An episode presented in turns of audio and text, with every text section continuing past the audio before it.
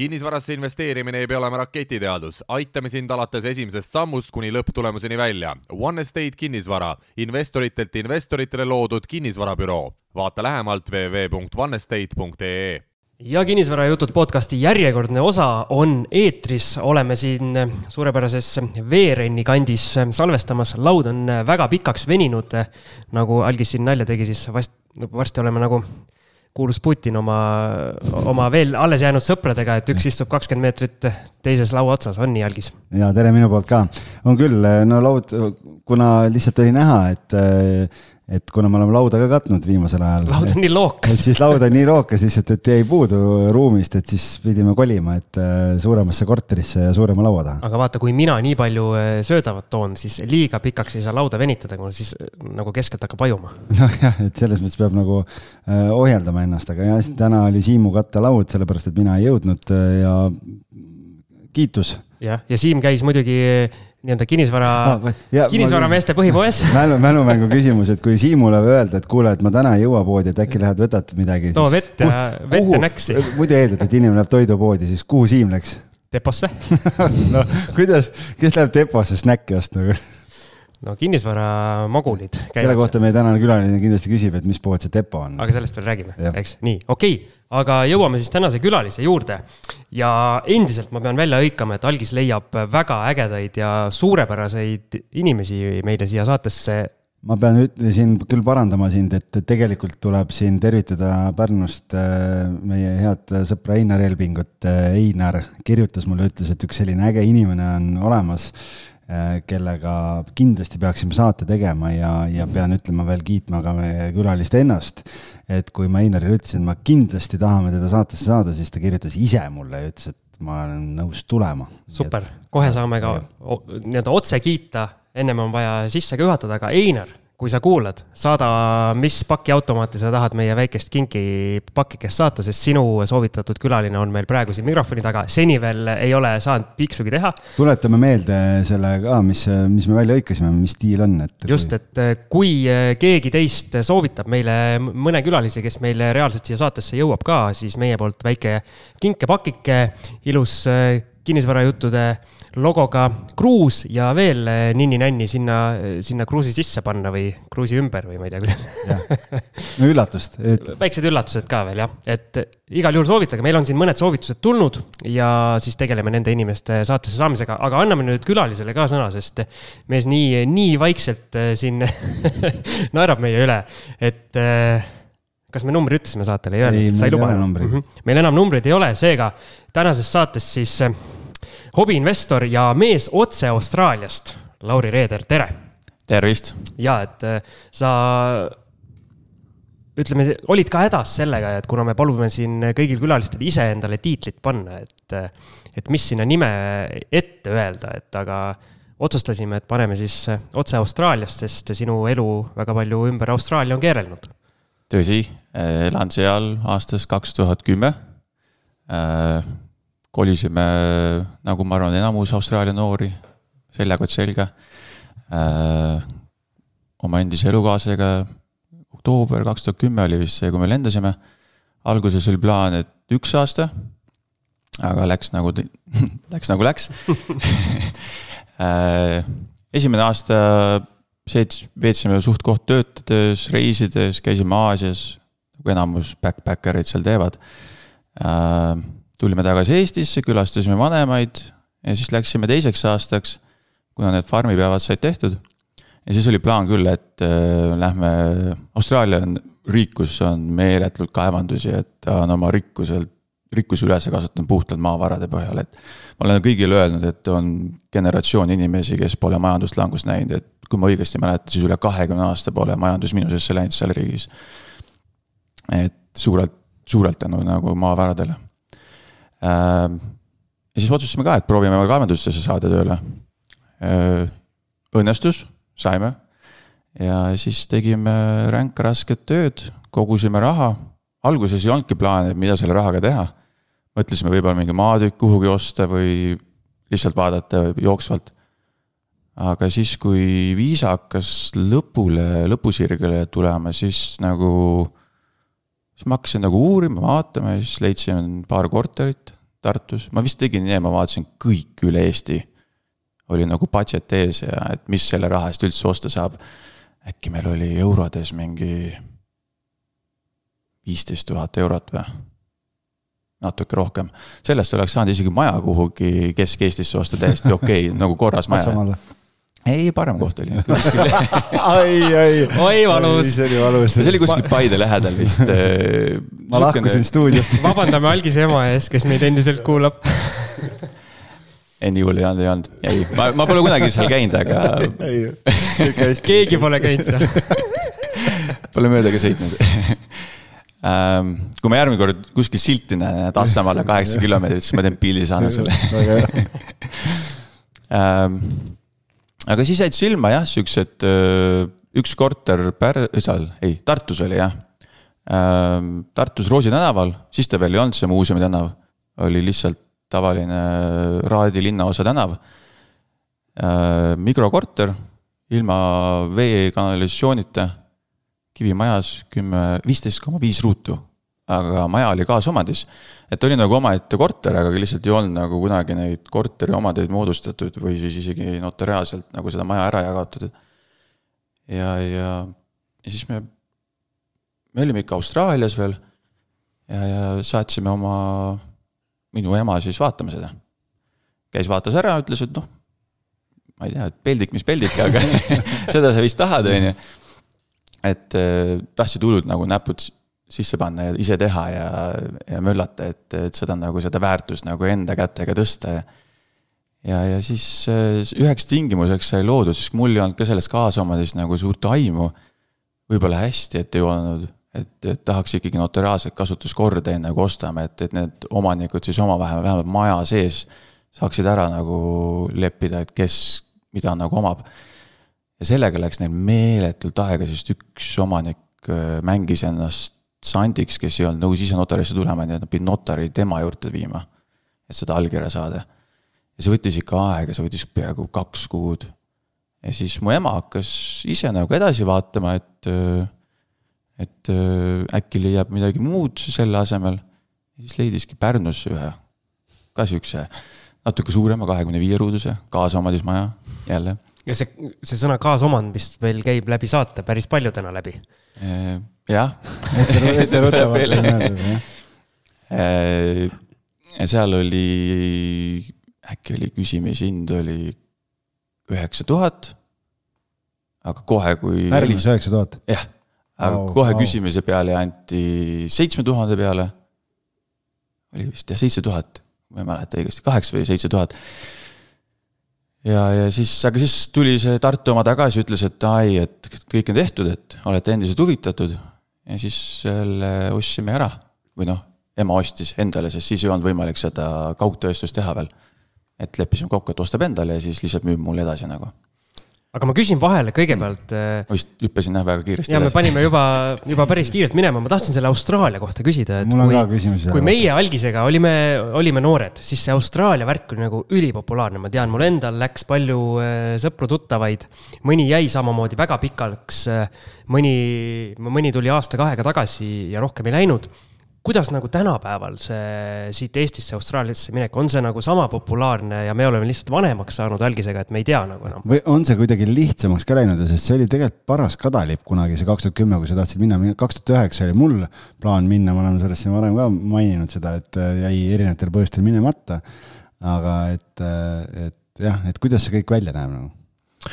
no me olime kaks ja pool aastat lukus, nagu täielikult lukus, et isegi austraallased ise, kodanikud said sisse koodi alusel, et. koroona pärast. jah, mm. et vist lasti, ma ei mäleta. Austraalia vist oli maailma kõige rangemate piirangutega riik üldse. et me olime isegi osariigiti nagu lukus, et ei saanud teisi osariiki ilma eriloata ähm,.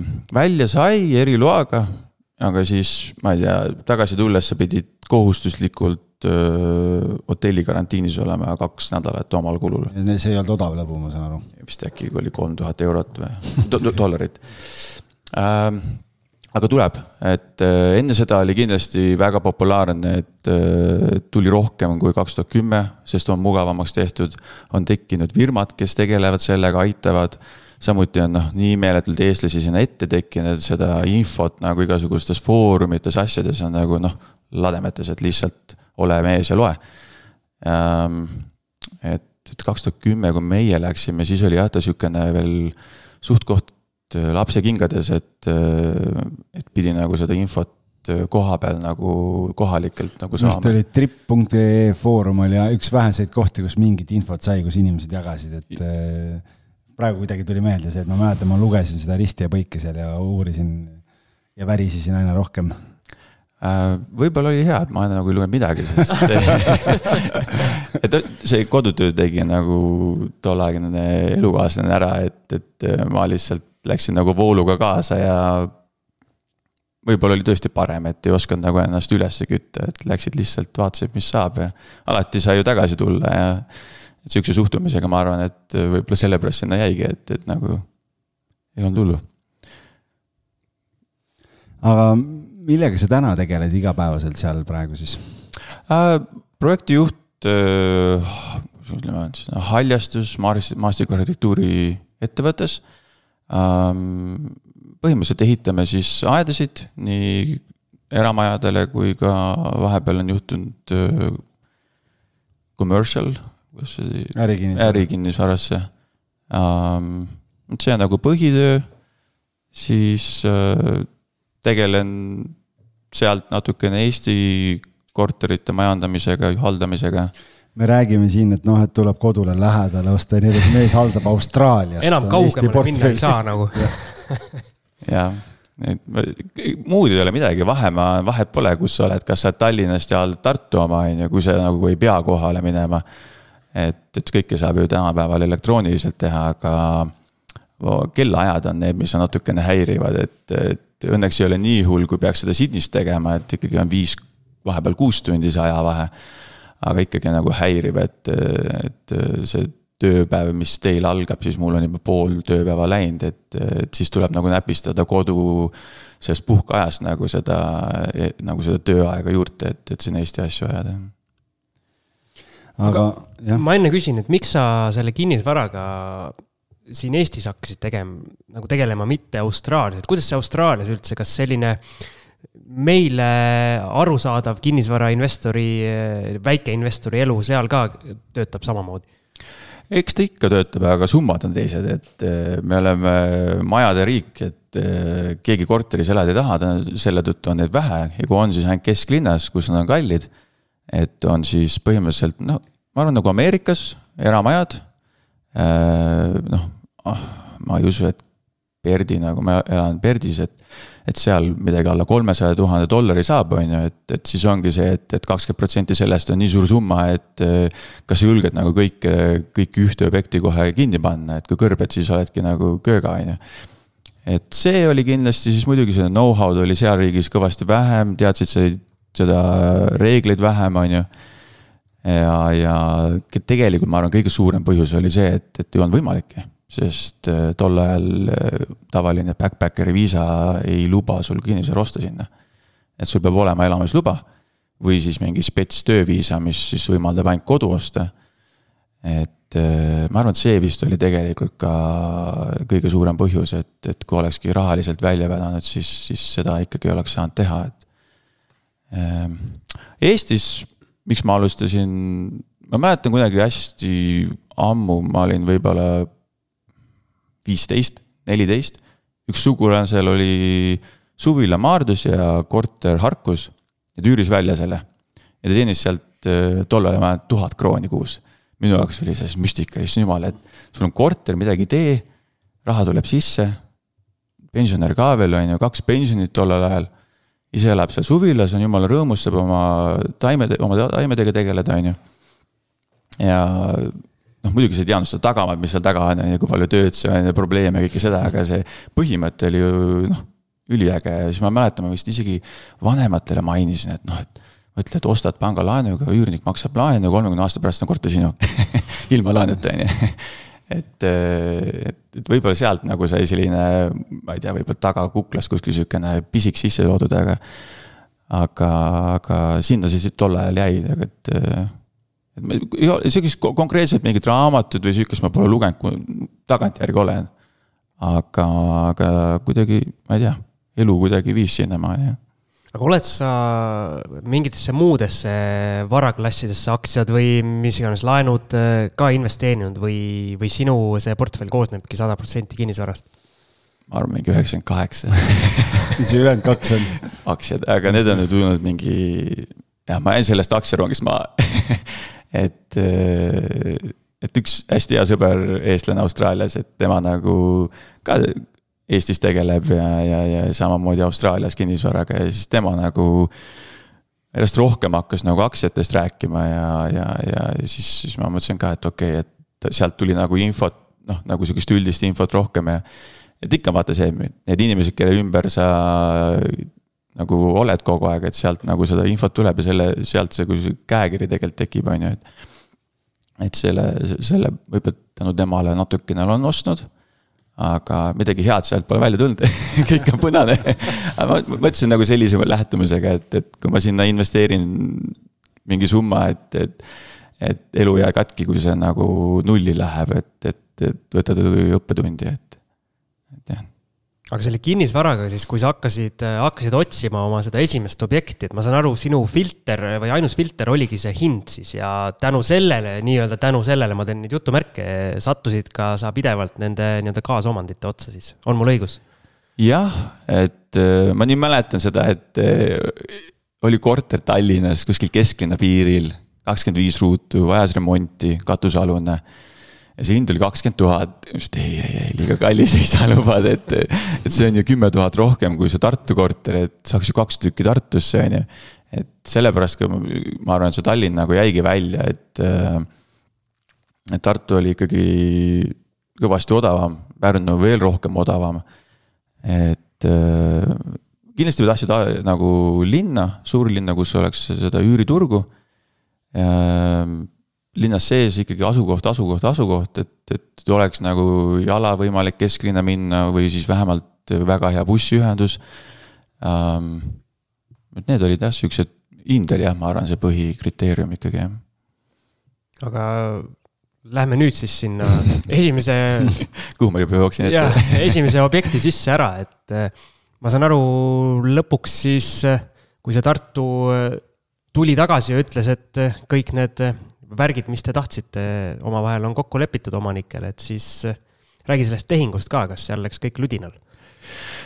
aa, sul ema ostis, õige jah? ema ostis, aga ega seal vist ei läinud, et see, see sai ikka nalja ka, et see, kes see müüs äh,. notar siis ütles, et, et ta sihukest, teate, et kahekuune eelisust õigus on teistel, on ju. opa, okei okay., me polnud isegi veel Eestis, on ju, et kui me nüüd selle uuesti maha müüme me tegime ettevõtte, et oma, noh, et ema müüb siis ettevõttele, on ju, siis on uuesti kaks kuud ju. ja siis jama lugu, et remonti ei saagi tegema hakata, on ju. ja siis omaniku maakler ütles, et aga, et üheksa pool tuhat oli hind, et paneme kümme pool tuhat. et siis vähemalt on vaata tuhat eurot mingi kahju, kahjutasu, kui keegi tahab selle üle osta, on ju. vahet pole, on ju, paneme siis kümme pool tuhat. panime kümme pool tuhat Lähme natuke ajast edasi. See, kes müüs, see ei elanud seal sees, see oli üürikorter tal. ja tuli maksu, maksu, maksuamet tuli kaela, et, et ostsid ju kuue poolega, nüüd müüs kümne poolega. Maksa makse selle pealt. oi, ta tuli ja kiirustas, tal oli seal majas veel allkorter, kus ta ise ka elas kurat küll. Maakler susserdas kõik ära. Nii kehvasti, nüüd pean selle ekstra tuhande pealt veel makse maksma, on ju, mida polegi saanud, on ju noh, sorry, pole minu mure, on ju. mina isegi suu hästi ostnud, on ju, et ametlikult, et, et pole midagi teha, et maksad, siis maksad, on ju. ja see oli võib-olla jah, selline naljakas lugu selle poolt, aga muud nagu selle esimese ostuga nagu väga hullu ei olnud, et aga mis te siis tegite, see kaks pluss kaks kuud, ma saan aru, neli kuud oli siis eh, nii-öelda ikkagi, oht oli üleval, et keegi, keegi teistest kaasomanikest võib selle ära osta, et kas te alustasite remonti või ei? Eh, jah, no me jõudsime tagasi siis, eh, siis esimesed kaks kuud juba möödas nagunii. et, et kui me tagasi jõudsime, siis tegime uue kähku selle notari. käisime, võtsime ise kõikidelt teistelt omanikelt uuesti allkirjad, paljud ei saanud aru, et miks nüüd niimoodi tehtud on, on ju. Ja, ja siis hakkasime lammutama, et noh, lammutamine ei maksa midagi, on ju, et ise lammutasime, tegime puhtaks põhimõtteliselt palgini kõik välja ja, ja siis ootasime, akna vist vahetasin ka ära. ja sihukene nädal ootamist oli kokkuvõttes. ja, ja siis, kui see on täpselt samal päeval, kui see täis tiksus, siis hakkasime õhku nagu üles ehitama, et. kogu remont tuli ka siis oma finantseeringuga tegite kogu selle esimese ära, jah? jah, kõik äh,.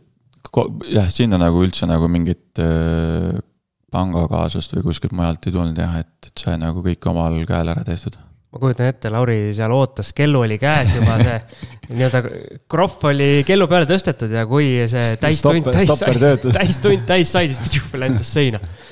nii, nii oli täpselt jah ei, asjad, plussid asjad olid ostetud ja siis kell kukkus, hakkasime laamendama. hommikul oli juba kohal, kõõlutas mm. jalga seal, ütles, et ootas, et millal saab. kaua läks, et valmis saada? kaua ega mul suur nagu kogemus. Siimul kaheksa kuud ja nii, nii palju ei läinud, aga. tead, korteri tegemine on nagu lapse sünnitamine või lapse kandmine sul on natuke suuremad ka, seal nagu üks suur ruum ja rohkem nagu ei olnudki, et suur ruum ja siis sahver kuskil koridoris, et äh,, aga sahvri renoveerisime ka ennem ära, et, et sai nagu selle enne seda kahte kuud täis tehtud, ära tehtud. tuletame meelde, viisteist koma viis ruutmeetrit oli see korter mm. -hmm. ja see on koos sahvriga. aa, koos sahvriga, okei okay.. see nelikteist vist oli see korter ise, et äh, ja siis äh, ega meil mingeid teadmisi ei olnud, et äh, sugulane insener, onu ise õppinud ehitaja, tubli mees, üks teoreetik, teine praktik panid kahe peale kokku selle õige vastuse ja, ja, ja lihtsalt hakkasime tegema, et hästi ta ei saanud, selles suhtes, et ta sai korralik, siiamaani alles, kõik on nagu tipp-topp, aga mul ikka meeldib öelda, et esimene ehitab vaenlase, teine sõbrale ja kolmas alles iseendale, et et jah, kogemusi ei olnud, et. kaks tuhat kolmteist oli see jah? jah, kaks tuhat kolmteist, jah. no see korter on siin kuhjaga ammu ennast tasa teinud ja, ja juba kõik väärtuskasvud ja kõik muud jutud sinna juurde. ma just vaatasin täna hommikul lihtsalt mälu järgi panin nagu numbrid paberi peale, et kui ta valmis sai, siis ta tootlus oli kakskümmend protsenti. ja ta on ennast jah, peaaegu üle, noh, selles suhtes kõik rahad nagu tagasi tulnud ja äkki mingi viiskümmend protsenti isegi nagu top of that, et. et selles suhtes äh, sisenemine oli väga õigel ajal, jah. No see on alati see, see põhiline osa mm, -hmm. see pikk ajahorisont, aga. ma ikkagi enne küsin, et palju see, kui see nii-öelda rendile välja läks, palju seal see üür oli, viisteist, viisteist ruutu Tartus? Äh, üür oli kakssada. Äh, ostsime üheksa poolega remont oli, ma arvan, koos mööbliga läks, no sinna pidi erimööbli tellima, sest noh, nii väike, tahtsime, põhimõte oli see, ma mäletan. nukumööbli päris nukku ei pidanud, aga et noh, et kõik oleks praktiline, läbimõeldud, et, et ei tekiks sihukest olukorda, kus sul on lihtsalt mingi taburet pliidiga kuskil nurgas, et. samamoodi, et vets ja dušš peavad olema nagu korteris sees, mitte koridoris, sest no kes tahab sul õhtul nagu külma koridori minna, on ju et eh, tol ajal ma mäletan, Tartu üüriturg oli nagu, nagu ikka väga-väga lapsekingades just nagu heade korterite puhul, et. mis see aasta oli? kolmteist. kolmteist, jah et siis hakkasid need uued ja tegelikult siis kohe ei olnud, et see tuli natuke hiljem, et. et kui keegi siin toob võrdluses, et üürid on tõusnud sada protsenti alates kahe tuhande kaheteistkümnendast, siis ma olen alati öelnud, et, et kaks tuhat kaksteist olid üürid sellepärast väiksed, et korterid olid kehvad.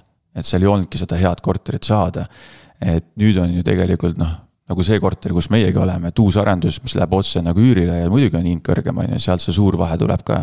kindlasti on tõusnud ka, aga mina ei saa selle korteri eest nelisada nüüd. et eh, nüüd sa saad kolmsada, et, et noh, ei ole on ju sada protsenti tõusnud, viiskümmend protsenti on. või vähem, mis iganes tuleb, on ju. et, eh, et, et. Eh, kolmsada on väga, väga hea ju kakssada üheksakümmend vist alustasime kolmesaja, just nüüd läks uuesti välja juuni lõpus.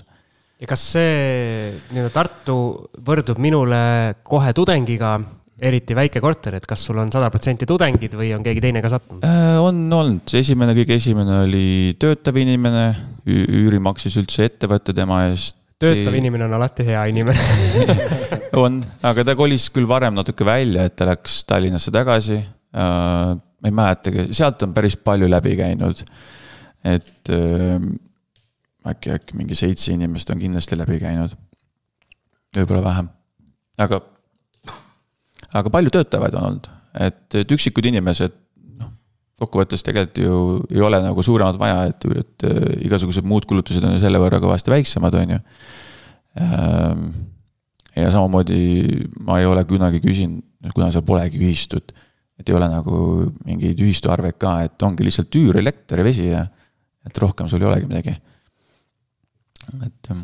aga tuleme korra tänapäeva, et mis su portfellis üldse praegu on ja siis vaatame need ülejäänud objektid ka samm-sammult läbi.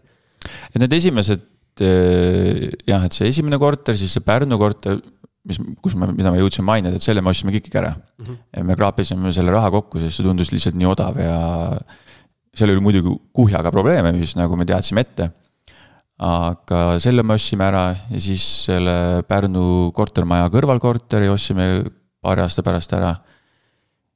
Need olid siis, siiamaani on nagu firma all ja fifty-fifty nagu mu endise kaaslasega, et, et saame nagu kenasti hakkama ja et, et selles suhtes jäi see nagu meile alles niimoodi, nagu ta oli. ja siis tekkis väike paus ja siis ma hakkasin oma eraisiku võimekusi kasutama et siis ma ostsin ühe korteri Tartusse, ka kaasomadega maja, aga seal oli juba kõik ära jagatud väljast ja seest, et selles suhtes polnud nagu tegelikult mitte midagi hullu. ka pisikene, neliteist ruutu. Äh, ja siis äh, Pärnus ühe hoovimaja kohtutäiturilt. on, et siin sõna maja tuli, siis see juba no, küll, aga. kakskümmend kaks ruutu kohtutäitur, nii et põnevaid teemasid jagub ja siis äh, kahe tuhande kahekümne esimesel aasta alguses äh, ostsin ühe maja nagu suure äh, kahekorruselise Pärnusse. noh, suure minu mõistes, et sada viis ruutu kogu üldpinnaga. mis tegelikult hetkel siiamaani on veel kauplusena arvel, et mingi vana lilleäri oli seal all esimesel korrusel vaata kui huvitav, eelmises osas oli, käis meil lasteaed läbi, nüüd on kauplus. eelmises osas käis kauplus ka läbi, see Riisipere oli. no vot, et see on, see on uus äh, segment, mida peab hakkama piiluma siin. nii et vaadake üle Eesti, kus on vanad kauplusemajad müügil, kusjuures ma olen paari näinud. Assamaalas oli ka mingi aeg, aga see vist sai müüdud kes selle küll ostis? Assamaale Assamaale saab liiga palju reklaami siin saates, Algis, milles on küsimus? ei tea, ei tea kas sa oled uurinud, äkki on kinnisvarahinnad tänu sellele tõusnud? no võib-olla jah, ma peaks uurima tegelikult, võib-olla pannakse mingi ausammas kunagi sinna aga okei okay,, ja see kauplus, kauplus, kõiki neid detaile me saame siis, saame veel vaadata. see on nüüd, mis sul Eestis on, kas sul on mhm. Austraalias ka midagi? jah, me, tegin ühe, üksi tegin ühe maaflipi. et seal riigis nagu maju flip ida, kui nagu ongi nagu flip imise eesmärgil on väga raske. et seal on igasugused maksud ostmisel juures, mis põhimõtteliselt on maha kantud, kui sa hakkad seda müüma, on ju. et äh, maa flip'i ja see, see teine asi on see, et, et maa on ainuke asi, mis seal maksab, et kui sul ütleme, toome puiselt, et äh, maja hind on viissada tuhat maaga, on ju. siis sealt võib-olla sada viiskümmend, kakssada see maja moodustab, ülejäänud on maa. Et maa väga-väga-väga hinnas ja kui sa saad seal suure krundi, siis sa saad seda suht lihtsalt, kui sul on teada need äh, detailplaneeringud, siis sa saad nagu seda flip ida, ehk siis jagada. ja, ja siis ma ostsin ühe üheksasaja ruuduse maa koos vana majaga, mis nagu ei olnud isegi vääriline ta taastamast. ja, ja siis äh, võtsin maja maha ja jagasin maa täpselt keskelt kaheks. ehk siis nelisada viiskümmend äh, nagu selle per lott, on ju. Ja, ja siis hakkasin müüma meil läks, enne Covidit läks kõik asi väga-väga halvaks seal, et et kui mina ostsin X summaga, siis see langes ja langes ja langes, mitte küll drastiliselt, aga ikka iga aasta kolm protsenti ja neli protsenti, et et väga raske oli müüa, keegi ei tahtnud maad osta. ma arvan, et peaaegu aasta aega müüsin neid. ja, ja siis juba ma lootust kandmas, ma olin peaaegu andmas ühe maatüki lihtsalt oma hinnaga ära, et saaks lahti, on ju sest Covid tuli peale, mul tekkis kohe hirm, et inimestel saab raha otsa, no ma arvan, paljudel oli, on ju. ja, ja siis äh, tuli, valitsus tuli toetusprogrammidega välja, mis põhimõtteliselt tõi selle kaasa, et maa hinnad hüppeliselt üle päeva tõusid. ja õnneks ma nagu seda maha ei müünud oma hinnaga, et, et kokkuvõttes sain nagu müüdud need ja natukese kasumit ka, aga noh, meeletult õppetundi, et, et maa ei ole hea flip imine, kui sul seal ikka elamiskõlblikku asja peal ei ole ja jätta, siis, siis sa nagu istudki selle pangalaenu otsas ja maksad nagu tühja põhimõtteliselt. kas maa ostmisel anti pangalaenu või? ta ei olnud maaost, ikkagi ostsid maja. aa, selle maja jah? jah okay., tal maja oli ka peal, et, et annavad, aga sul peab olema nagu ka kohe ehitusprojekt äh, nagu ka kaasas, et, et, et sa näitad, et tahad kohe ehitama hakata sa siis tegid mingi fantoomprojekti sinna või mismoodi sa tegid? ei, kui sa oled ära nagu ostnud, siis neid väga ei huvita enam, et siis sa võid teha, mis sa teha tahad, jah kuidas need pangad niimoodi äris püsivad, et algus no, on, algus huvitav ja pärast nagu ei huvita? kokkuvõttes nad tegelikult, noh, nemad said ka teada, aru, et noh, kui see jagatud sai, siis ikkagi sama. noh, pank oli ikkagi mõlema omanik, et, et nemad nagu lasid selle. ja ikkagi nemad lasid selle ära hinnata ja nad tahtsid näha, et kas nende kahe eraldi maa koguhind on ikkagi sama või vähem, et kui oleks vähem olnud, siis ma oleks pidanud vahe kinni maksma. aga noh, loomulikult see oli nagu rohkem, et kaks tükki on ikka rohkem kui üks, on ju. et, et selles suhtes oli, nemad olid nõus, andsid rohelise tule. jah, ikkagi oli jah, no tuli meelde, et, et nende käest pidi ikka luba küsima. aga seal nagu takistusi ei teinud ja siis oli jah, sellega läks hästi. aga teeme siia väikese kõllipausi ja siis äh, ma tahan jätkata selle Pärnu korteriga, kus sa juba siin mainisid ka, oli neid probleeme omajagu. ja ma tahan kõikidest nendest probleemidest teada mm. -hmm.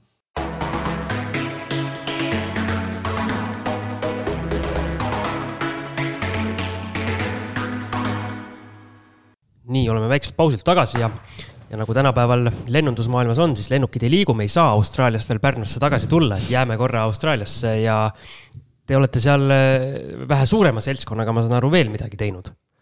et jah, siis kui see maatükid said müüdud, siis äh, üks hea sõber, Eesti sõber nagu tervitused talle ka, et ta on meil, ta on mul sihukene natukene mentor olnud, et, et äh, ta nagu ütles, et kuule, et teeme midagi koos.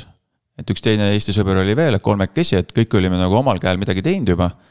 Et, et oli nagu aim oli olemas, et teeks midagi koos ja siis me panimegi pundi kokku ja, ja siis ostsime ühe, ühe maja, mida sai arendada või noh, krunt, kus oli maja peal. ja, ja. siin me räägime eramajast siis. jah, et eramaja lihtsalt noh, numbritest nägena rääkida, et krundi suurus seitsesada viiskümmend, detailplaneeringu järgi saab kolm maja sinna peale ehitada, eramaja. et seal on nagu, elame kitsikutes, et.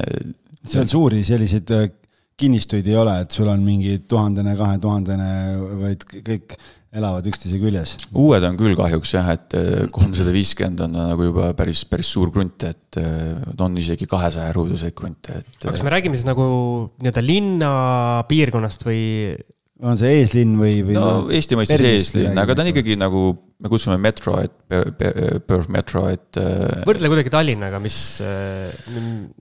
no okei okay mastaabilt võtame siis näiteks mingi Kristiine, Nõmme, siuksed mm. linnaosad, et mm -hmm. ta on ikkagi linn, on ju, et, et ta ei ole päris, noh, et Jüri on minu silmis ikkagi Tallinnast juba väljas, on ju minu silmis ei ole okay,. ma olen nii kaua eemal olnud, et, et võib-olla tõesti enam ei ole, aga. on, on. on küll jah. et. Siimul ongi mingid äh, imelikud. mul on omad silmad, mul on halvad silmad tegelikult aga isegi siis ütleme, et Jüri mõistes seal on samamoodi krundid ikkagi pisikesed, natuke võib-olla on suuremad aga enamad on jah väikesed, et noh, et ongi see, et, et nagu meile siin meeldib korterit pisikesena ehitada, sest siis saab ju rohkem raha küsida, seal on täpselt samamoodi maadega. et siis saab ju rohkem maha, noh, et võimalikult väikseks või võimalikult rohkem lotte saada sellest ühest maatükist. ma ei saa aru, kus see loogika on? tuhandesed teed neljaks. selles no. mõttes äh, nagu minu jaoks loogikat ei ole, Eesti, väike riik, vähe maad, suured krundid Austraalia ülisuur riik, väga palju maad, väiksed krundid. ma võin sulle seletada, sest see on äh, linnastunud riik, meeletult, meie osariik on, ma ei tea, kui suur. pindalat ma ei mäleta, aga no ikka meeletu, kõige suurem Austraalia osariik, peaaegu pool Austraaliat. ja. rahva, rahvaarvult mõtled? rahvaarvult osariigis maksab ka pindalalt. aa, pindalalt mm -hmm.. rahvaarvult on ta kõige väiksem või kõige väiksem, üks väiksemaid. nagu selle tiheduse poolest kindlasti kõige väiksem vist üks koma viis inimest per kilomeeter või, ruutkilomeeter. aga üheksakümmend protsenti elab linnas. noh, et kui sa võtad nagu meeletu maa-ala, ütleme Eesti, Läti, Leedu, Poola ja võib-olla natuke Saksamaad ja ainult üheksakümmend protsenti elavad ühes linnas. siis on ju nagu ilmselge, et, et siis nagu kitsas on ju, et, et siis ongi nagu maa nagu see, mis on hästi-hästi kallis. ja teine probleem, mis just nagu Perdi puhul on, et meil on nagu sihukene ookean ja siis on nagu võib-olla kolmkümmend kilomeetrit liiva ja siis on nagu mägi. et siis on kõik seal selle liiva peal. ja siis ongi nagu maailma kõige pikim linn, et vist sada viiskümmend kilomeetrit pikk või midagi sihukest et hästi pikaks veninud. kuule, naine, ma lähen teise linna otsa. enam-vähem jah, lähed teise linna otsa asju ajama, siis pead võtma selle öömaja endale. jah, jah, ei, ongi no ei, päris nii hull ei ole, aga, aga jah okay. et noh, sellepärast jah, ma arvan, see maatükid ongi seal nagu nii kallid, et see infrastruktuur, infrastruktuur ja kõik ju maksab, on ju, ja. ja linnad, tegelikult linnavalitsused ei ole huvitatud väga, et, et läheks veel laiemaks see linn. sest siis nad peavad ju public transporti ja kõike muud sinna ehitama, on ju. ja siis ongi parem, et kõik ikka üheskoos kitsalt. et odavam majandada. ühesõnaga kuskil, ma ei tea, kakssada kilomeetrit linnast mingis suvalises äh, võpsikus keegi väga ei, väga ei ela. elab ikka kakssada kilomeetrit, mõtled ikka kaks tuhat kaks tuhat, aa okei okay. pane igale poole üks null otsa siin. Eesti mõistes pane nullid otsa jah ja. ja., et siis nagu, siis annab nagu sama mastaabi välja jah. kaks tuhat. siis oled maadevalitseja seal kuskil. siis oled farmer ja siis sul on ikka jah, nagu sadades hektarites. aga mingeid väikseid linnu nagu mingi satelliitlinnu ja siukseid asju nagu on või ei ole või? kui lõuna poole minna, siis natukene on, aga põhja pool on küll täielik tühermaa, et, et seal küll mitte midagi muud peale kaevanduste ja farmerite, farme ei ole jah okei okay,, väga huvitav need. jah, aga kui suured majad on siis keskmiselt need, mis teie tegite näiteks? no me ei ole ise ühtegi maja ehitanud veel, aga kõige sihuke standardsem on kolme magamistoaga, Eesti mõistes siis neljatoaline. uus maja peab kindlasti kahe, kahe auto jagu garaažiga olema. Siuksed nagu minu mõistes natuke naljakad siuksed standardid tekkinud, et ja kindlasti ühekorruseline, et, et kahekorruselist väga vähe et noh, nagu maad on nii vähe, kõik ehitame, aga laiusesse. tegelikult saaks ju kõrgusesse ehitada. täpselt, on ju, et on. aga te saate äkki hakata muutma nüüd seda turu nagu nii-öelda mis... turule uued trendid? ei, on, kindlasti on juba sisenenud ka, aga kallim on ehitada kahte korrust. et, et sellepärast ma arvan, see üks põhjus, et aga ma kujutan ette, siis, siis sellist nii-öelda hooviruumi väga ei jäägi, kus on mingi murulaps, nii-öelda murulapike, kus lapsed saavad joosta ja batuudi peal hüpata mm,? jah, see vist, kas see oli vist neli korda neli ruutu peab olema, vähemalt. muru või?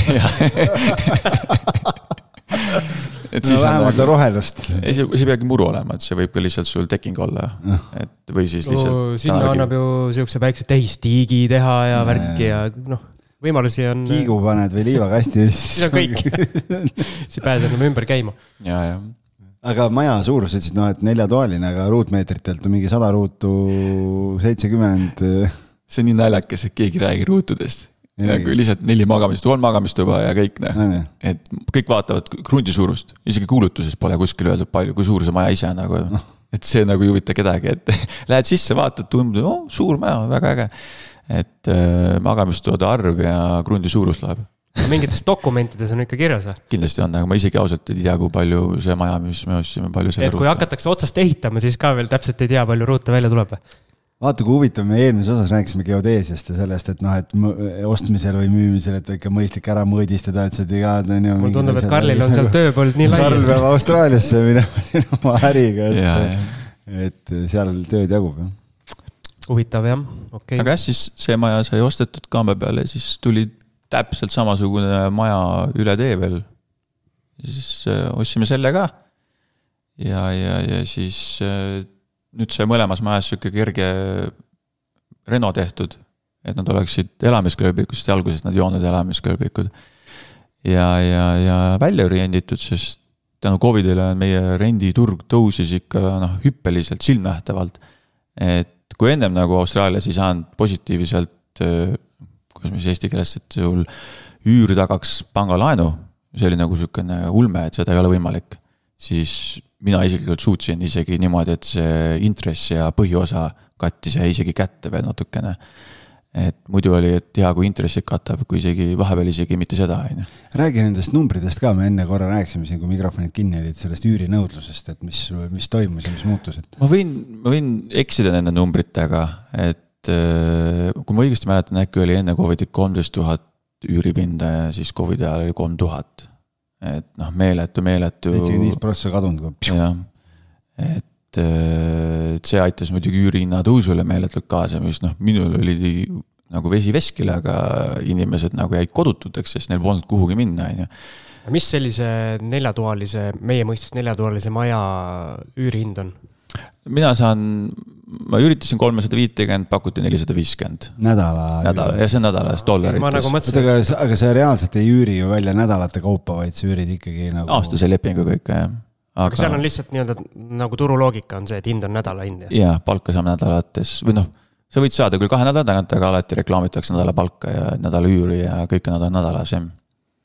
et elu käib nädalate kaupa lühema perspektiivi inimesed on seal kaugel, kaugel all tundub, et see finantskirjaoskus on vist nõnna palju kehvem veel kui, kui meil siin, et, et kuu kaupa hakkama ei saa, siis tehakse nädala kaupa. Võib-olla tõesti, jah väiksemad numbrid, sa ei pea nii suurte numbritega opereerima.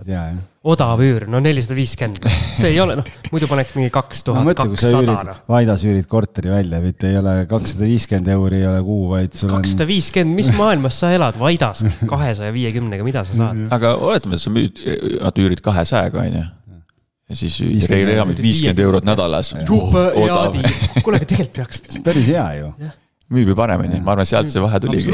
vähemalt huvi oleks meeletu, muidugi saaks kohe vastu pead ka, et saaks. skämmi sa korraldad mida ma tahtsin küsida nende majade kohta.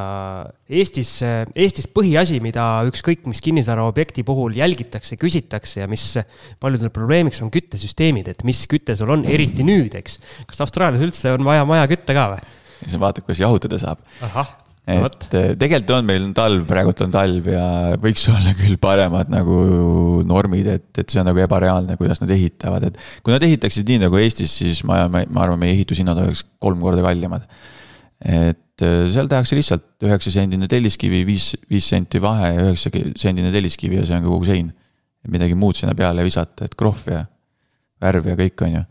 et see soojuspidavus on nagu null, et ehm, ja siis on tavalised õhkssoojuspumbad, et nendega siis suht nagu talvel on sooja ja, ja, ja suvel siis äh, külma jahutad. et nagu pigem on see jahutusaspekt on olulisem kui kütmine. jah, sest sa külma nagu saad ju talutavalt, paned lihtsalt rohkem tekke peale ja, või rohkem ennast riidesse, aga kui sul ikka palav on, siis, siis sa lihtsalt leevendad seal majas, et, et see jahutamine on jah, suurema su,, rohkem tähtis, ma arvan um, ehk siis mingid, eh, mingid ahikütet ja mingid keskkütet ja mingid siuksed asjad, need austraallased ei tea, mis asi see on? Pole olemaski. Okay.. õhk-vesi, maaküte kindlasti, ma isegi uurisin, et mingid firmad tegelevad nendega, meil pole isegi põrandakütet WC-des, mis on nagu tegelikult absurd, sest mulle isiklikult meeldib minna Niis, nagu no, niisku sees, jah, jah, just, just. et eh, see põrandaküte on juba sihukene väga ulmeline asi nende jaoks ehk siis kõik küttelahenduste pakkujad, teil ei ole seal Austraalias suurt midagi teha ilmselt? ei ole jah. basseini, basseini võib ehitama tulla. Eskimole, Eskimole jääd müüma yeah. aga ma saan aru siis kommunaalkuludest üsna suur, suur osa ikkagi elekter, et kui seal need õhkssoojuspumbad sees ja. jah, aga meil õnneks või kahjuks, ma ei oskagi öelda, elekter nagu börsil ei ole, et, et on äh, fikseeritud no. Äh, valitsuse poolt, sest valitsus omab seda ja. normaalne hind jah ma arvan, et odavam kui Eestis praegult, et. Äh, igal pool on odavam kui Eestis et äh, selles suhtes on okei okay., et meil isegi anti siin äh, toetusi ja, ja anti neid krediite ja et, et elekter on praegult jah, kõige odavam asi üldse. super, siis saab ju neid Bitcoin'e hakata kaevandama või mida iganes ei saa aga... liiga palavaks läheb jälle, siis on. ei no siis on see elektriküte ka või see nagu põrandaküte ka olemas, viid kuidagi, okei okay., see selleks nüüd hakkasid lennukid lendama, tuleme siia Pärnusse tagasi, et mm -hmm. räägi need probleemid lahti. viis tuhat oli selle korteri hind, ma saan aru. rohkem, vist seitse tuhat oli. seitse tuhat, okei, noh, oluliselt rohkem ma, mul on olemas väike memo ka, siin on kirjas seitse tuhat. seitse tuhat? seitse tuhat üheksasada. okei okay,, siis ta oli seitse. veel kallimaks läks vahepeal et ta tahtis kaheksa tuhat, siis lõpuks siis ma kauplesin seda sada eurot veel alla et notaritasud, tasud siis ähm, see oli äh, huvitav maja, korter oli, et ta oli sihukese hästi huvitava planeeringuga, et see on nagu kakskümmend viis, kahekümne viie koma viie ruudu sees oli köök, suurtuba ja siis sihuke pisike meeter lai, sihukene nagu konkualune. et kui see Tartu korter valmis sai, siis me kolisime oktoobris Pärnusse, talveks Pärnusse. ja, ja rentisime mingi, endale mingi pisikese pesa ja hakkasime ehitama seda seal.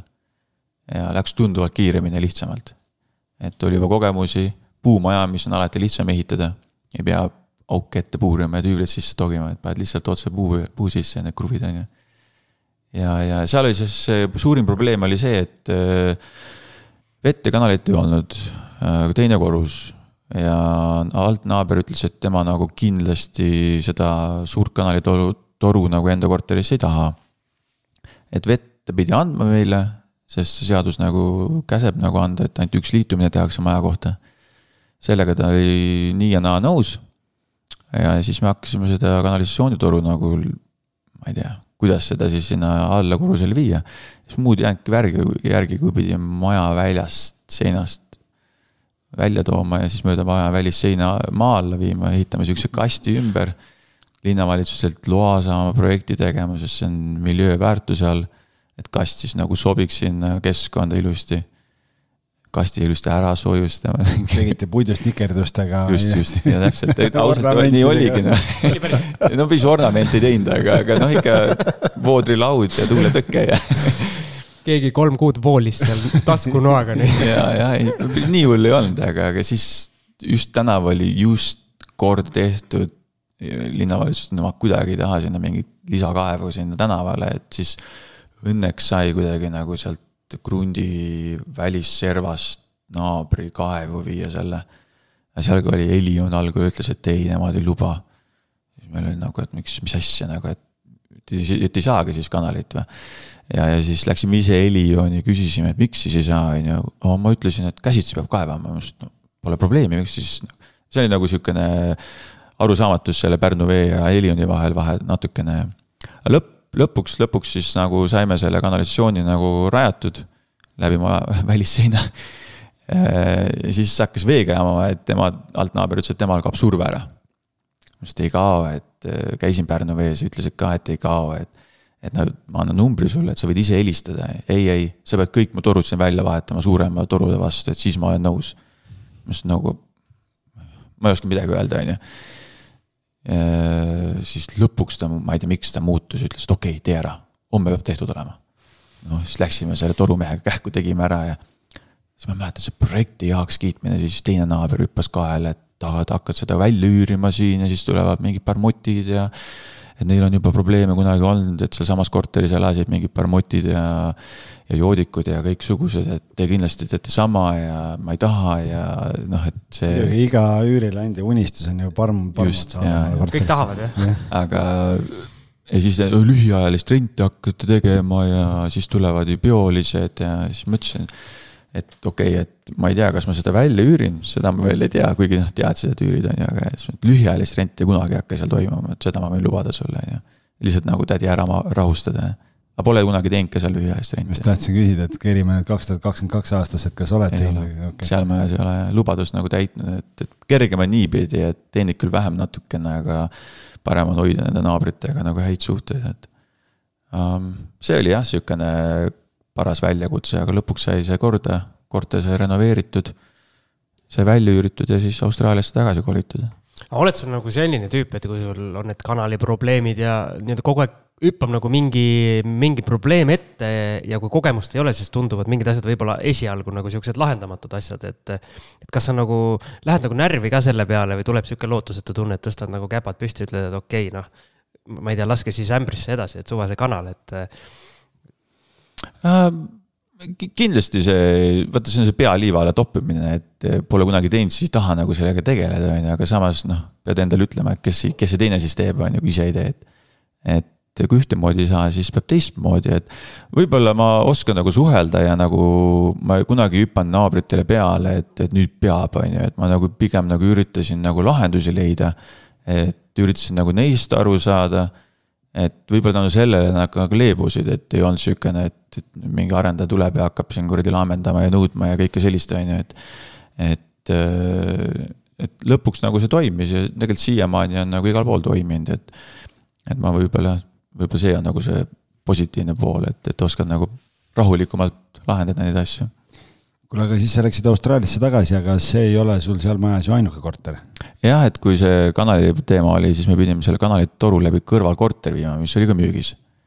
Ja, ja siis. see oli lihtsam ära osta jah, ma tahtsin, noh, see oli ju kõvasti kallim, et. ja ta ütles teisele omanikule, ütles, et kuule, me peame toru tooma sul siit, et äkki annad korteri ära, et sul nagunii, kui see toru tuleb, siis ei ole selle korteriga midagi teha enam. põhimõtteliselt, et ma ütlesin, noh, et ma ostaks, ta ütles, et me läksime allkirjade alt saama ja siis ta ütles, et esimene asi, miks sa minu oma korterit ära ei ostnud, miks sa selle väikse korteri ostsid, sest see oli kolmkümmend neli ruutu, kui ma õigesti mäletan. kontrollisin järgi oli jah. ja maksis kolmteist tuhat ja siis ma ütlesin, mul ei olnud nii palju raha. aga ma tahaks küll, aga mul praegu, praegult raha ei ole. seesama ett ütles, aga okei okay,, sinu oma. et kuna sa saad kahe aasta pärast. kahe aasta pärast saad või? ma ütlesin, no kahe aasta pärast saab, noh, teeme siis lepingu ära ja mis asja nagu et ta oli jah siukene pensionär, kellel aega oli ja. järelmaksuga ilma maksuta leping ei, nagu selles suhtes meil ei olnud nagu õigust seda kasutada et, et ikkagi korteri võtmed. hoidis seda nagu teises broneeringu. see on küll huvitav, et nagu. ma mõtlesin, et saab korteri ka veel kätte ja noh, maksa siis, kui saad. Eh, siin praegu on sihuke nii-öelda nii-öelda seotud tehing on ju, kus leidsin ühele korterile ostjad, nendele enda korter vaja ära müüa, siis leppisime kokku, et broneerimislepinguga on tavapärase ühe kuu asemel kaks kuud. nüüd see teine korter läheb ka just, läheb kohe tehingusse. Et eh, aga noh, kahe kuu asemel, no teeme kaks aastat noh siis, siis veel kinnisvara nii hästi ei müünud, et kindlasti oli ostjaid tek tekkinud rohkem, kui oli kaks tuhat kümme. aga ikkagi oli vähem, et sihukest eufooriat kindlasti turul ei olnud. ja, ja neid probleemseid korterid ei tahtnud tol ajal keegi osta, et, et ma nagu nägin seal sellist võimalust, et odavalt saada ja nagu sellest probleemist nagu läbi hammustada, sest seal see tegelikult see kõige suurem võit tulebki, on ju. ja samamoodi see kaasomand, et kui sa välja üritad, siis pole mingit vahet. et eriti, kui sul on notariaalne kasutuskord. ja tegelikult panga silmis on sama, et äh, hingamise, hindamisaktidel nad toovad küll selle välja, aga hinda nad selle pärast küll välja ei muuda. laenuintress ei ole kõrgem kaasomand? ma ei oska sulle öelda, minul on ta kõrge niivina, et ma ei ela Eestis, vaata, aga võib-olla, kui elaks, et siis võib-olla nii-öelda riski, võib-olla tõesti, ma ei ole selle peale isegi mõelnud. aga mis perioodi pärast sa siis selle suurema korteri omanikuks said lõpuks? Äh, poolteist aastat oli, kui me läksime Austraaliasse tagasi. elukaaslane läks magistrit tegema, käisin tööl. ma ei tea, kuidas, aga suutsime äh, raha koguda ja siis selle välja osta ja siis korda ka teha, et, et siis ma tulin Eestisse ja, ja, ja endise äiaga tegime kahekesi seda korda ja, ja, ja siis oli küll konkreetselt niimoodi, et võõpasid seinu ja lendasid samal õhtul lennukiga tagasi Austraaliasse, et et see sai nagu nii nip-, no nibin-nabin sai valmis, et, et sellega läks jah natuke naljakalt. Siim, sa siin räägid, et Kehrasse pikk maasõit. ma just mõtlesin, et, et äkki oli niimoodi, et tegid ühe päeva pika tööpäeva ära, siis sõitsid Austraaliasse, tegid seal midagi, siis sõitsid tagasi. siis vist ei saa kasumit üldse sealt.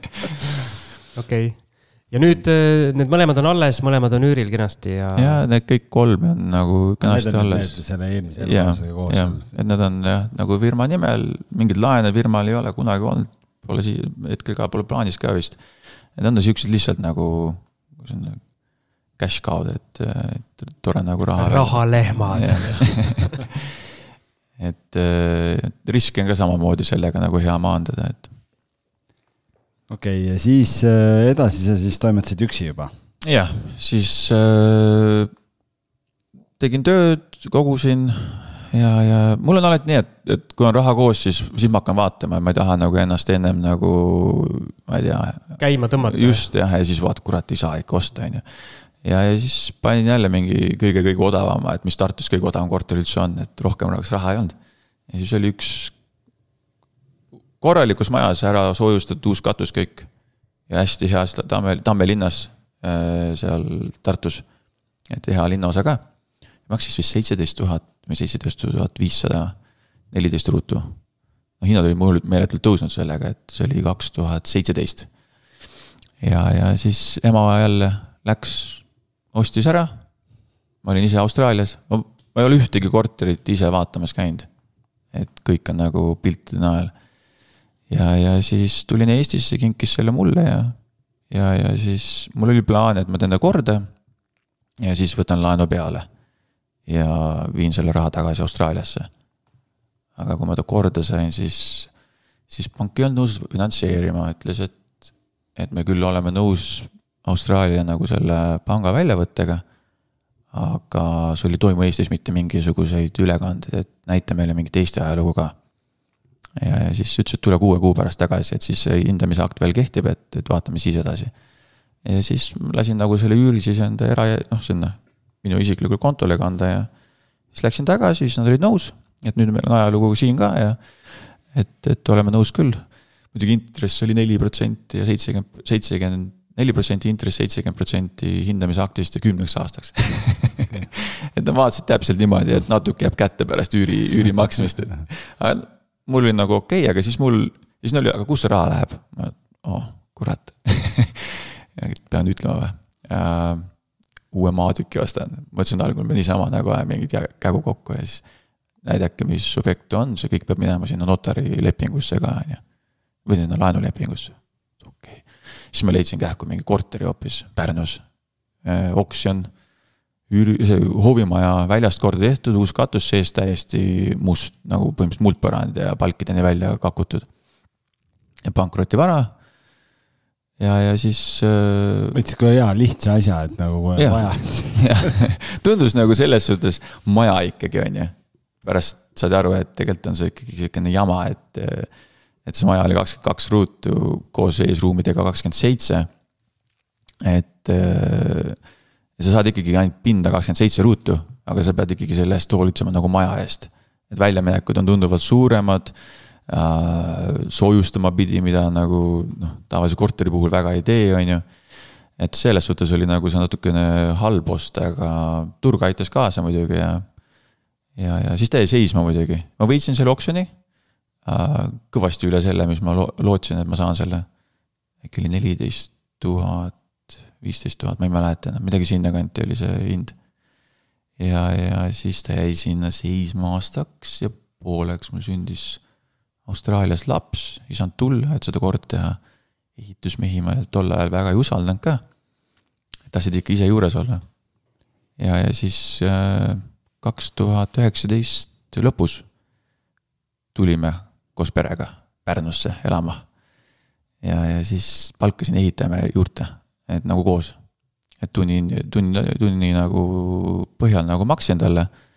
ja siis veel üks teine abiline oli ka, et kolmekesi kogu aeg, iga päev, välja arvatud pühapäev. lasime, lasime ikka noh, hullu seal.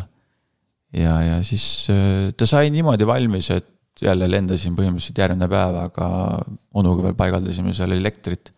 et mööblit sisse ei saanud ja ma pole seda korterit siiamaani veel näinud. ise nagu koos mööbliga, et valmis, praegult on Airbnb-s ja kuidagi ei ole mahti nagu, ei klapi need kuupäevad, et saaks sisse minna ka, et. ja arvates ma ei näe ka, et ma lendan enne minema siit, et. et äh, see sai jah, sai valmis, siis tuli koroona. ja, ja siis ei tahetud jälle üürida ja siis ta seisis ikka ja no, mitu kuud. ei olnud ju turiste ega midagi. ja turistid kadusid ära ja siis tuli meeletult need suvekorterid tulid pikaajalisel turule ja need tõmbasid hinna nagu niimoodi alla. et kui ennem oli lootus seal kolmsada kolmkümmend selle eest saada, siis ma sain ta lõpuks kahesaja kaheksakümne viiega välja renditud. vahemärkuseks, et on sihuke äge loft, loft stiilis. et sinna sai mingi äge kapp ehitatud, mis on nagu trepi ees ka, et. et see korter sai hästi ilus, hästi stiilne ja sihukene mugav, et hästi kompaktne, et kõik on olemas seal ja et sa nimetad seda ikkagi korteriks, mitte majaks? ta on ikkagi korteromand ka, et ta on nagu suure, suure nagu maja sisehoovis, et ta ongi korter number kaheksa, et. Et äh, hoovimaja, ja, ja heal lapsel mitu nime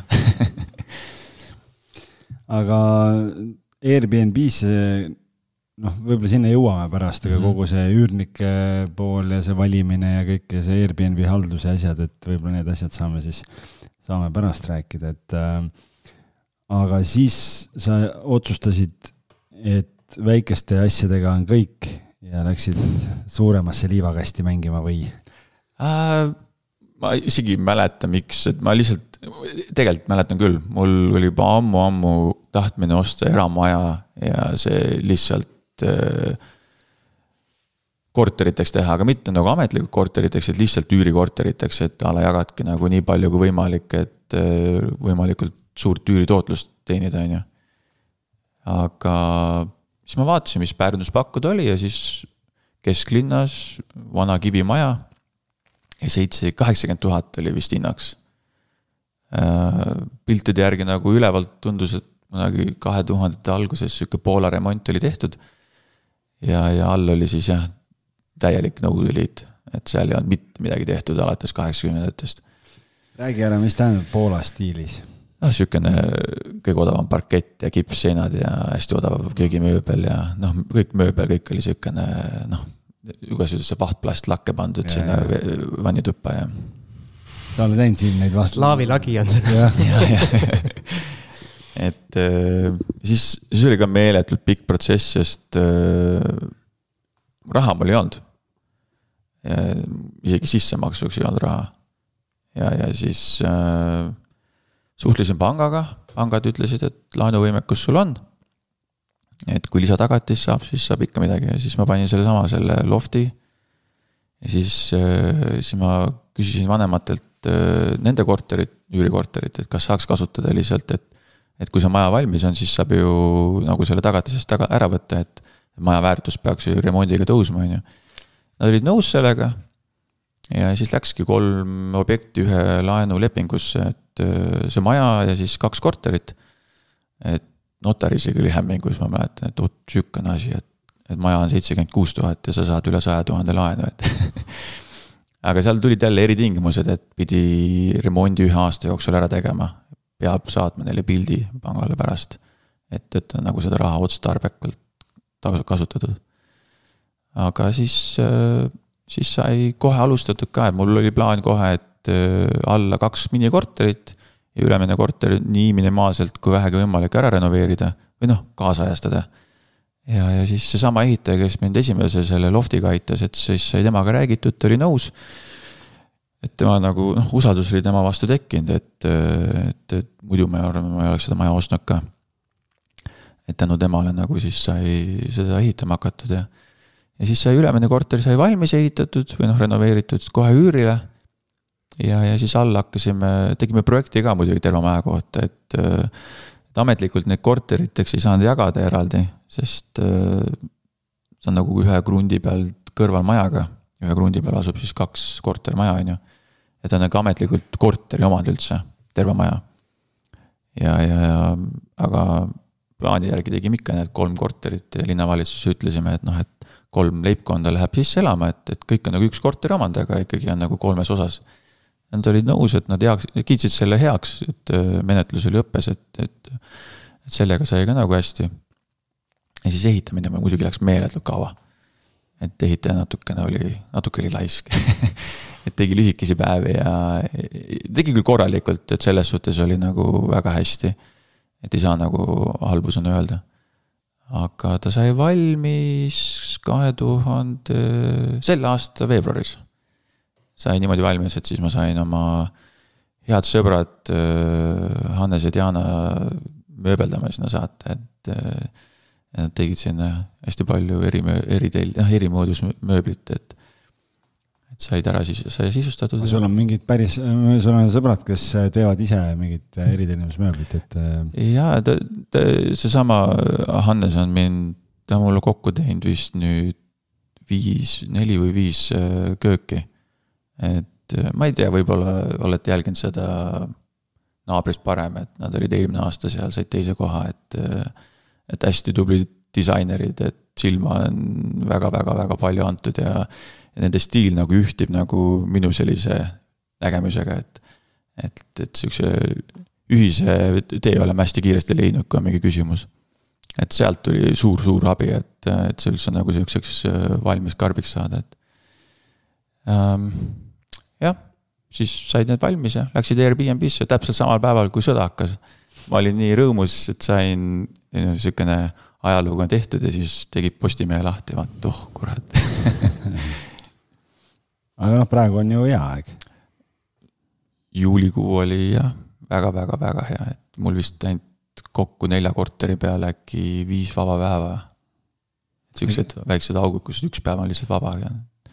Et väga hästi läks, et ma kartsin alguses, et, et äkki oleks pidanud selle tei-, esimese korruse, kus ma kaks minikorterit tegin, et. et oleks ikkagi pidanud nagu ühe suure tegema, et ongi, et üks korrus, üks korter, teine korrus, teine korter aga see aasta või see suvi on küll näidanud, et vahet ei ole, isegi eelistavad pisemaid rohkem kui suuremaid, sest see teine korrus, kus on kahetoaline ruumikas. ta küll ei ole nii fancy piltide pealt, võib-olla sellepärast ei taheta nii palju rentida, aga hind on odavam ja vabu päevi on ka rohkem, et et jah, sellele reisijale vist meeldib, kui ta on kompaktne, pisikene, tuleb ju sinna tegelikult ainult magama, on ju. võib-olla siis heal juhul teeb hommikul putru ja kohvi. et need pisikesed on jah, palju rohkem nõutavamad no vot, algis kes sul haldab kogu seda Airbnb poolt, et see on ju see, noh, Austraaliast seda ei tee ju, seda ei saa teha. teen ise teen, et eh, mul on tubli koristaja, küll Einar ütles, et nad ei ole nii tublid tema silmis ja ma olen temaga kohati nõus ka, aga kokkuvõttes nad on väga tublid, et et ta aitab mind, kui on vaja midagi juurde osta, mingi pann, saate aru, pann ja see lõik, lõikelaud läksid ära, noh, ma ei tea võeti kaasa, jah? noh, see minu meelest on sihuke, meile kadusid triikrauad ja föönid ära kogu aeg. Need on õnneks veel alles, nendest ma saan veel aru, aga kurat, mis sa selle lõikelauaga teed, et ema mulle ütles, et äkki keegi tõstis selle panni sinna plastiklõikelaua peale ja sulas üles ja siis tahtis lihtsalt kähku nagu ära likvideerida. naine pani mehele vastu pead ja läks pooleks. võib-olla et jah, siis see koristaja on nagu aidanud nendega ka ja samamoodi, kui siin on kohvi juurde vaja osta, siis ta nagu, tema nagu majandab sellega ka ja ta on sihuke tiim tekkinud, kus on tal noh, vist äkki neli-viis inimest suvel. et äh, hästi kiiresti saavad valmis, ei ole probleemi, kui samal päeval on check-in. Ja, ja siis mina tegelen selle suhtlemisega, et, et see äpi poolega, et, et äh, kirjutan vastu, võtan booking uid. kui on probleeme, siis tegelen, on tekkinud probleeme mõnusalt kell üks öösel Austraalia aja järgi koristaja unustas voodipesu diivan äh, komplektile panna ja just nemad tahtsid diivani ikka kasutada. et siis, siis. koristaja läks välja öösel kell üks või? ei, minul oli kell üks, siin oli kell kaheksa või midagi sihukest okay. või isegi varem. Aga ma ei tea, miks ma see öö üles ärkasin, võib-olla poeg ajas üles ja siis. no ikka vaatad igaks juhuks, et kui punast seda embleemi seal ekraanil ei ole, siis on kõik hästi, on ju.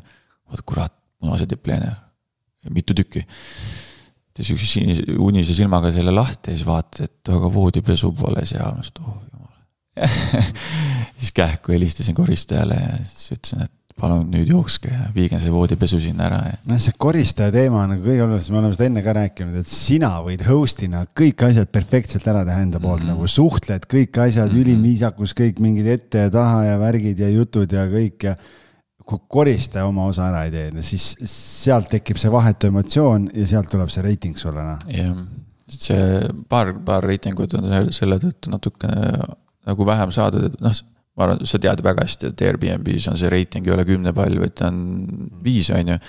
ja kui kellelegi natuke midagi ei meeldi, siis noh, paneb neli, on ju, aga sinu kui host'i jaoks neli tähendab katastroofi suht, on ju, et ta võib sul selle keskmise kohe niimoodi alla, et näed kohe silmanähtavalt, et et äh, ma isegi vahepeal mõtlesin panna mingi magnet sinna kapi peale ja öelda, et kuule, et neli tähendab katastroofi, et ärge toppige nelja nii palju aga.... et oli enam, mitte et oli enam-vähem, aga et kui kõik oli nagu vastas ootustele ja piltidele ja asjadele mm, -hmm. siis nagu see on suur vaev, mida nähakse. aga inimesed ei mõtle selle peale. ei mõtle, mõni meelega ütleb, ma kunagi ei panegi viite et.... paneb overall viis ja siis kuskil on mingid eh, neljad ja, ja mingid kolmed ja asjad ja siis lõpuks vaatad nagu. no see veel, overall, põhiliselt overall viis oleks aga kui kõik ülejäänud on viis ja siis overall on neli, siis ah, ma ei saa sellest aru, mis asja. mis need ülejäänud viied siis on nagu, et kuidas siis see keskmine hinne neliseb olla. ühesõnaga, Siim, see on nii pikk jutt, et me võiks siin Lauriga tunde rääkida sellest, eh, noh, see on. me Vaida inimesed ei jaga. natuke ebaloogiline on, aga aga, aga pikaajalise üürikorterid, et eh, seal siis ema möllab ja, ja leiab üürnikud ja asjad või kes sul seda poolt korraldab uh,? oli jah, et Tartus oli ema ja Pärnus mingi ajani nagu läks kuidagi nii õnneks, et just siis vahetusid, kui ma Eestis olin. et ma ikkagi iga suvi tulin Eestisse, et noh. siis seda ei mõelnud, et äkki ei tohi tulla, et hakkan üürnikud vahetama ei, okei okay,, tegelikult see ühes kõige esimeses Pärnu korteris elab üürnik, kes on juba kuuendat aastat seal, et ta saab kuus aastat augustis täis. et Super. ta on üksi selle korteri kinni maksnud konkreetselt oled talle mingi kruusi või, või midagi viinud ka tänutäheks öelnud et...? ma olen teda hinda ei ole väga korrigeerinud, et selles suhtes, et tänutähed minu poolt temale, et. et, et ma arvan, et ta saab väga kõvasti alla turuhinna ka et.... kui tal on kuus aastat vana üürihind, siis ta, siis ta peabki, peabki õnnelik ja rahulik olema seal. enam-vähem jah, natuke on, aga noh, see on siukene mini sümboolne summa, mis ma tõstnud olen, et. Ähm, aga mingi hetk nagu võib-olla tekkis neid natukene rohkem ja siis nagu enam ei toiminud nii hästi, ei saanud tulla ka ja siis, ja siis ma kasutasin algul ühte sõbrannat, aga see ka nagu ei toiminud nii hästi, tal olid omad tegemised ja ei saanud kogu aeg minna ja. ja, ja siis ta soovitas ühte maaklerit Pärnus. ja, ja andsin nagu siis talle need Pärnu korterid. Äh, tegi väga hästi, siiamaani väga hästi oma tööd, et alati leiab need üürnikud väga kiiresti ja maksimumhinnaga, et. et rohkem, kui ma isegi loota, loota oleks võinud. Ja, ja Tartus, jah, ma olen ka läinud seda mugavusteed, ma ei viitsi enam et ma see aasta oleks saanud vabalt ise seal Tartus otsida, aga ma ei viitsinud, siis ta soovitas ühte Tartus ka ühte maaklerit, et. et läks küll kauem, aga sellest sai jällegi, ma ütlen, eelmine üürnik maksis kakssada kolmkümmend, nüüd on kakssada üheksakümmend, et suur hüppe juurde, et. et. kui sa niimoodi mõtled, see on kolme kuu üür aasta peale lisaks mm. -hmm. see on nagu päris suur summa.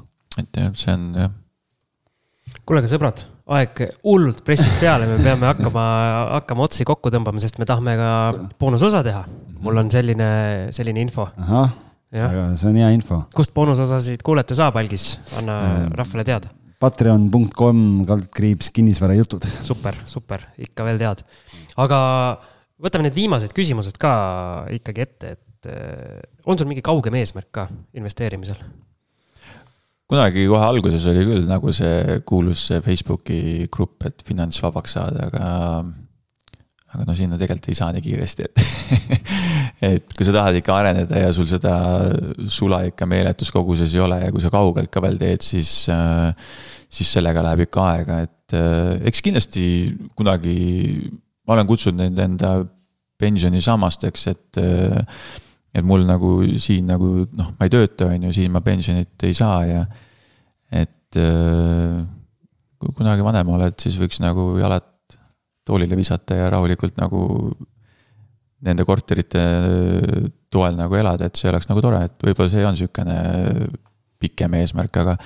aga mul jah, sellist nagu milleni, milleni ma pean nüüd nui neljaks saama, et seda nagu ei ole, et, et lihtsalt põhiline see, et mulle meeldiks, et mulle meeldib seda teha, mulle meeldiks hullult ise ehitada. mitte võib-olla nii palju, kui me esimestega tegime, et, et tore on nii, et, et ehitaja ehitab ja sina lihtsalt aitad teda kaasa nii palju kui võimalik, on ju äh,. igasugused noh, et juhtida nagu just seda projekti kui sellist, et see on nagu äh, sihukene meeldiv osa sellest. aga sa näed oma tulevikku ja elu pigem Austraalias siis või, või Eestis või mismoodi? Ideaalis võiks olla siin ja seal et nee, koledal ajal oled ära. jah, just no,, suvest suve, aga eks kui, kui laps, laps kooli ikka saab, et siis, siis läheb nagu natuke keerulisemaks, et. et elukaaslane austraallane, et austraallanna, et. et ma vist ei ole veel temale nagu seda ideed veel maha määrinud või paha, pähe müünud, et, et, et siia kolida, et. ma arvan, et see talv on see austraallaste jaoks kindlasti see kliima just, et. ja mul abikaasal see eh, täditütar just siin mingi aeg kirjutas, ütles, et jaa, meil on siin talv, et jube külm on, seitseteist kraadi on, et ütlesin okei okay,, meil on, meil on kaheksateist, aga meil on suvi.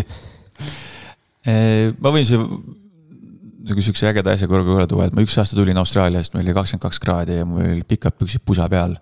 ja maandusin no Eestis kakskümmend kaks kraadi ja mul lihukesed püksid ja T-särk et see on kuidagi teine, see number ainult üks ei loe, et, et meil on ookeani kliima ja ta on kuidagi kuiv ja külm. et nelikümmend kraadi seal on talutav, okei okay,, nii ja naa, sa saad hakkama. ma arvan, nelikümmend siin, siis ta kõik sulaks, et konkreetselt sa ei tahaks välja minna, on ju, et.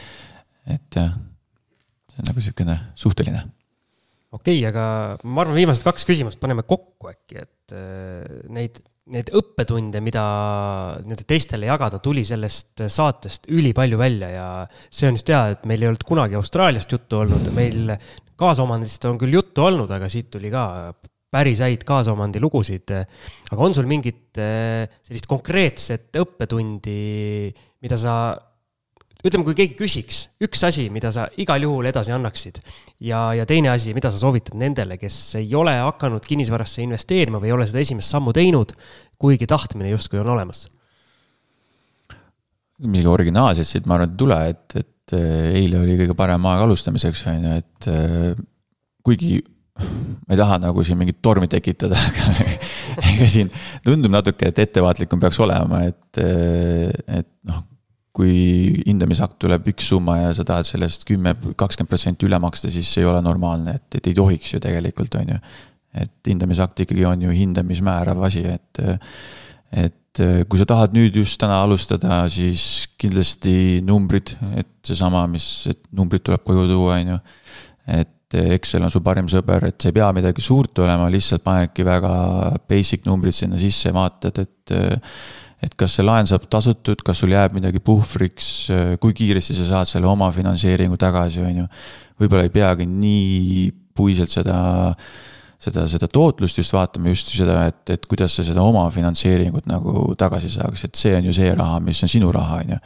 et, et see tuleb nagu kõige kiiremini koju tuua. et sa saaksid selle uuesti põhimõtteliselt turule viia ja midagi uut osta, on ju. jah, ma ei, ja muidugi see, et, et jah, alusta äh,. alusta kellegagi koos võib-olla äh,. kuigi mina, mulle meeldis üksi alustada, et, et äh, siis ei ole kedagi süüdistada et teed üksi ja kui midagi nä nässu läks, siis, siis jah, siis õpid sellest ja liigud edasi ja ähm,. ja kui isegi alguses on siuksed nagu tagasilöögid, siis äh, anna natuke aega ja usu mind, see läheb paremaks, et ma mäletan pärast igat jumala remonti, mul oli kopp ees sellest korteritest ja remondist, et. pool aastat oli vaja sihukest pausi ja siis hakkasid jälle näpud sügelema, et midagi vaadata. super luks. väga hea. tund ja veerand äh, sisustatud nagu naksti ja räägiks, räägiks sama palju veel otsa kindlasti. kindlasti, ma arvan, neid jutte jaguks veel, nii et aga igal juhul aitäh, et sa tulid, aitäh, et sa ise ühendust võtsid, aitäh. nii kaugelt tulid. no, näed, inimene lendas Austraaliast otse meie saate jaoks kohale, nii et äh, võimas. ja aitäh teile ka, et, et ma ise olen leidnud väga paljusid saatest äh, just nagu seda Eesti poole pealt, et mis siin toimub, kuidas see, nagu see turutunnetust on siit väga hästi nagu saanud, et. et seal olles seda nagu KV-d shopates on üks asi, aga mis tegelikult turul toimub, seda nagu ei saa sealt seda kätte, on ju, et. et siit saatest on seda nagu hästi palju tulnud. ja palju ideid ka, et, et tore on kuulata meie saate kõverpeegel on see, et kõige kõvemad kohad on Vaida ja Assamalla. just, ja nüüd on Bert on ka ja.... kaardile pandud. jah, me ja. peame vaatama järgi, kuula, kui palju Austraalias kuulamisi on, et siis me teame, Lauri teeb numbreid meile seal.